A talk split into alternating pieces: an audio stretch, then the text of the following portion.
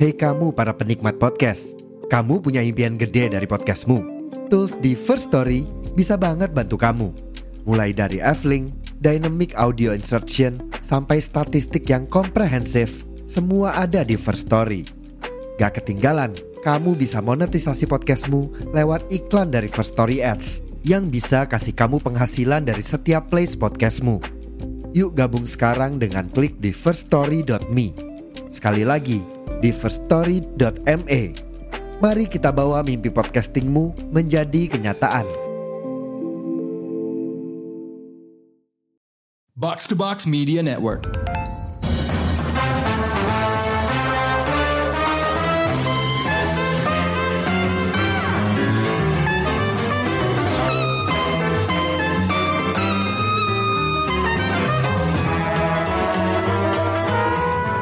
Showbox, selamat datang di Showbox Nostalgia View episode 2 Lah kok gue lagi sih nih?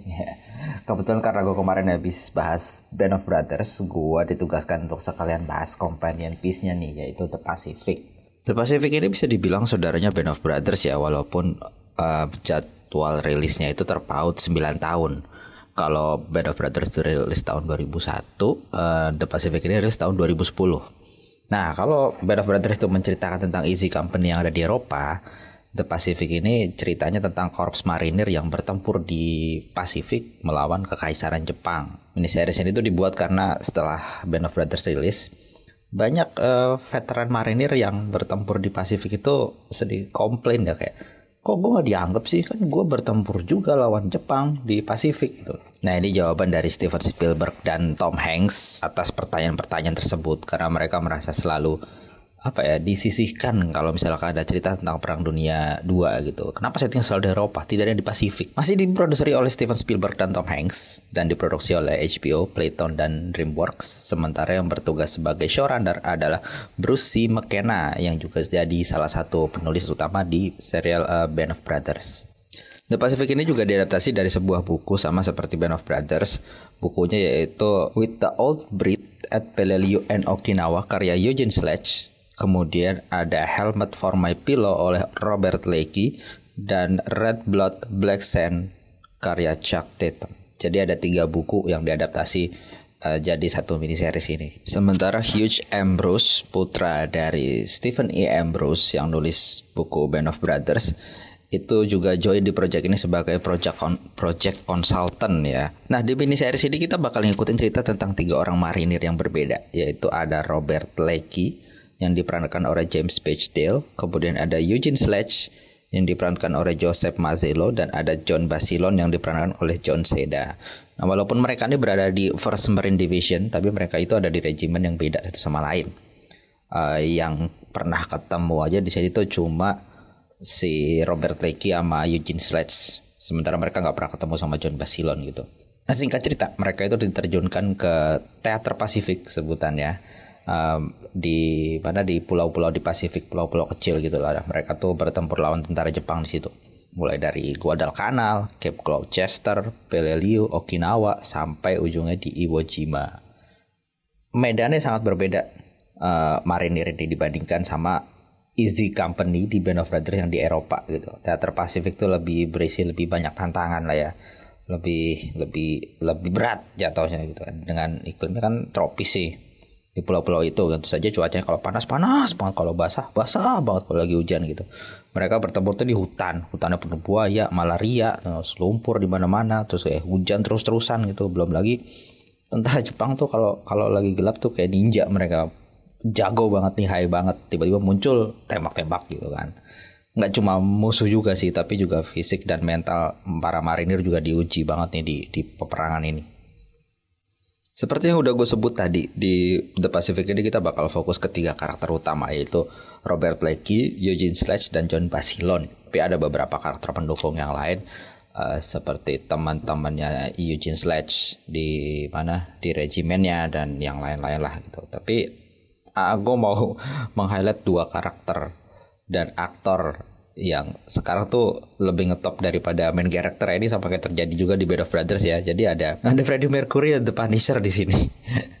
EKE uh, Rami Malek dan John Berntal. Uh, Rami Malek ber berperan sebagai Mariel Snafu Shelton dan John Berntal sebagai Sergeant Manuel Manny Rodriguez. Seperti Band of Brothers, production value-nya udah nggak usah diraguin lagi lah ya. Bahkan budgetnya kali ini jauh lebih besar yaitu 200 juta dolar untuk produksinya. Kenapa bisa lebih besar? Mungkin karena syutingnya lebih jauh ya. Band of Brothers syutingnya di Inggris, sementara The Pacific ini syutingnya uh, sebagian besar di Australia gitu. Mungkin salah satu alasannya adalah karena ada beberapa episode yang settingnya itu di kota di Australia dan lumayan banyak sih. Kalau ngomongin tentang produksi, ini jadi highlight buat gue di sini bukan prop senjatanya atau tanknya itu udah oke okay banget lah ya. Tapi banyak banget mayat tentara Jepang yang berkelimpangan di mana-mana itu mirip banget sama mayat asli gitu. Itu mayat yang kelihatan banget kayak beneran gitu. Salah satu yang paling gue inget itu ketika uh, si karakternya si Rami Malek itu Snafu ngelemparin batu ke dalam tengkorak tentara Jepang yang udah growak gitu. Itu uh, menggelikan sekali sih kalau diinget-inget ya.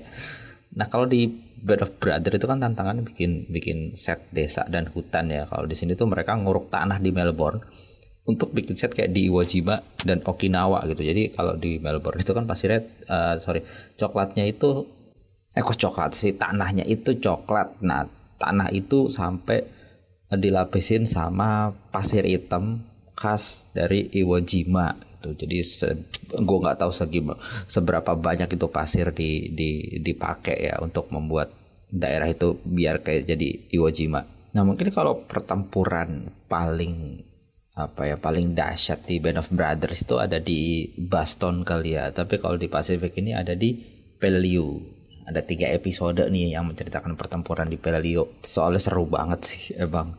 Tapi pertempuran yang paling besar impactnya itu ada di Okinawa kalau menurut cerita ini gitu. Jujur vibe di mini series ini tuh berbeda banget dengan Band of Brothers. Ya lebih personal dan, dan lebih intim. Karena beneran ngikutin cerita dari tiga karakter yang tadi udah gue sebutin di medan perang kalau Band of Brother banyak ngangkat tema heroisme dan brotherhood gitu di The Pacific ini lebih banyak mengulas tema yang cukup apa ya cukup kekinian yaitu mental health. E, dibahas tentang bagaimana karakter ini ketika pulang kena PTSD atau karakternya berubah banget gitu. Tapi memang lebih drama sih daripada Band of Brothers karena kita benar-benar fokus ke karakter development protagonisnya daripada hubungan antara karakternya masing-masing. Walaupun adegan tembak-tembakannya tetap tetap seru ya tetap nggak main-main ya. Contohnya pertempuran di Guadalcanal itu benar-benar tegang, tegang banget ketika marinir berhadapan sama tentara Jepang di malam hari itu kayak wow lah. Tapi memang fokusnya bagaimana bagaimana mental para marinir ini sih banyak yang mentalnya jatuh banget dan kena PTSD setelah balik dari perang Pasifik. Dan kita dikasih lihat gimana background karakter dari masing-masing uh, tiga karakter tersebut gitu. Kenapa mereka enlist jadi marinir, gimana karakter development mereka berkembang sepanjang perang ini dan diceritain juga bagaimana akhir kisah mereka setelah uh, perang berakhir dan pulang kembali ke Amerika gitu. Beneran kita itu dikasih komplit kisah hidup mereka mulai dari awal perjalanan mereka menjadi marinir sampai selesai jadi marinir. Nah, tiga karakter ini juga jadi apa ya, punya background yang berbeda masing-masing ya, sangat berbeda bahkan dan motivasinya juga beda-beda banget nih. Contohnya si Bob Lecky ini pengen jadi marinir karena dia nggak tahan dengan kehidupannya di Amerika gitu. Apalagi di rumah gitu. Dia dia merasa nggak dianggap dan kayak ah gue kabur aja daripada marinir daripada di rumah nggak dianggap dan disepelekan sama orang tua gue gitu. Itu motivasinya gitu dan kalau Eugene sendiri adalah uh, dia tuh anak kedua dari dua bersaudara dan dan kayak sakit-sakitan gitu. Dan dia pengen membuktikan kayak gue mampu nih jadi jadi tentara gitu. Abang gue jadi tentara teman baik gue jadi tentara gue juga harus jadi tentara. Pengen membuktikan kalau gue tuh nggak cuma anak mami yang selalu dilindungi oleh orang tua gue gitu. Akhirnya dia berhasil sih tapi ya nyataan tidak seindah itu ya. Kalau John Basilon sendiri diceritain dia tuh family man banget. Dia berasal dari keluarga Italia yang selalu kayak wah family gitu. Rukun guyup gitu kan. Dan dia motivasi tuh kayak patriot banget. Gue true American man. Gue pengen berkorban dan berjuang untuk negara gue nah mereka berangkat ke kepulauan Pasifik nun jauh di sana dengan harapannya masing-masing. Tapi semua itu ya terbalik sih serat dengan 180 dengan bayangan mereka. Ini bikin gue menurut gue tuh Pacific menarik banget ya. Karena kenyataan itu jauh lebih pahit dari bayangan mereka gitu. Contohnya Eugene gitu. Dia masuk ke Marinir untuk membuktikan bahwa dia tuh gue mampu seperti abang gue gue mampu seperti kawan gue gue juga bisa jadi tentara gitu. War is cool man gitu. Eh ternyata dia pulang-pulang membawa PTSD gitu. Apa yang dia alami di di sana itu benar-benar menguncang mentalnya gitu. Bahkan dia sampai nggak bisa megang senap, senapan. Walaupun itu hanya untuk berburu kelinci gitu. John Basilon bercita-cita jadi prajurit yang bertempur di lini depan. Tapi karena dia dianggap pahlawan mendapat medali uh, memenangkan pertempuran gitu ditambah plus dia ganteng gitu dia malah disuruh pulang pulang kampung untuk menjual war bonds di Amerika gitu. tentu saja dia kecewa gitu. Konflik batin banget kan ketika lu pengen jadi tentara, gue pengen bertempur bareng teman-teman gue, tapi lu malah disuruh pulang, terus lu disuruh jualan di di di Amerika gitu, malah malah lu bisa mabok-mabokan, lu bisa menghabiskan malam dengan artis Hollywood, sementara teman-teman lu perang mati-matian di sana gitu kan, lu conflicted banget. Tapi ceritanya John Bassler ini yang paling epic sih, jadi kayak dia pahlawan perang iya. Terus kemudian kondang jadi public figure bisa tidur sama artis Hollywood. Bahkan punya cerita romantis sampai akhirnya nikah dengan gadis impiannya. Walaupun akhirnya dia tewas di Iwo Jima ya tapi dia jadi martir dia jadi legend. Epic banget lah pokoknya ceritanya si John Basilon ini gitu. Film banget. Sementara Bob Lecky yang hidupnya luntang lantung akhirnya malah justru dia yang paling punya apa ya menemukan kebahagiaan di akhir perang ini gitu. Dia akhirnya menemukan keberanian untuk mengajak tetangganya ngedate akhirnya nikah dan bahagia sampai akhir hayatnya. Tapi salah satu karakter yang mencuri perhatian gue di sini tuh Snafu yang diperankan oleh Rami Malek. Dia pertama kali gue lihat karakter ini muncul tuh ini nyebelin banget sih ini karakternya gitu. Apalagi Rami Malek kan mukanya beler gitu jadi gitu, siap ngomong kayak gitu. so tau lah resek lah pokoknya gitu. Tapi setelah makin ke sini makin ke sini justru karakter ini menurut gue yang paling menarik yaitu dia kayak menutupi kegelisahan dan ketakutannya dengan kelakuannya yang kayak gitu gitu. Kelihatannya nyebelin tapi sebenarnya dia tuh peduli dengan rekan-rekannya gitu. Walaupun dia kelihatannya cuek tapi dalam hatinya dia dia terguncang juga mentalnya nah Mariel Shelton yang asli aka Snafu itu setelah selesai perang dan berpisah dengan teman-temannya dia tuh hilang lost contact dengan teman-temannya. Dia baru kontak-kontakan lagi dengan temannya setelah buku memoirnya Eugene Sled terbit. Baru dia baca, akhirnya dia menghubungi lagi dan muncul lagi ketemu sama teman-temannya. Buat kalian yang suka Band of Brothers, kalian harus nonton The Pacific juga pokoknya. Walaupun nggak nyambung, tapi itu tapi ini tuh menarik banget untuk melihat perang dari sisi yang lain. Tema dan ceritanya yang diangkat mungkin beda ya sama Band of Brothers masih sih untuk penggemar cerita perang gitu. Bisa sangat mencerminkan kenapa perang itu mengerikan dan efeknya itu beneran jangka panjang untuk semua orang yang terlibat di dalamnya. Kalau Band of Brother gue kasih 5 bintang, ini bakal gue kasih ya empat setengah bintang lah ya.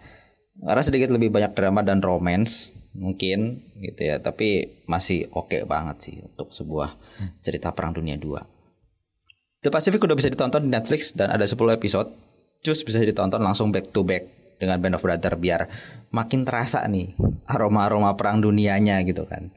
Gue Rengga untuk Showbox Podcast pamit undur diri.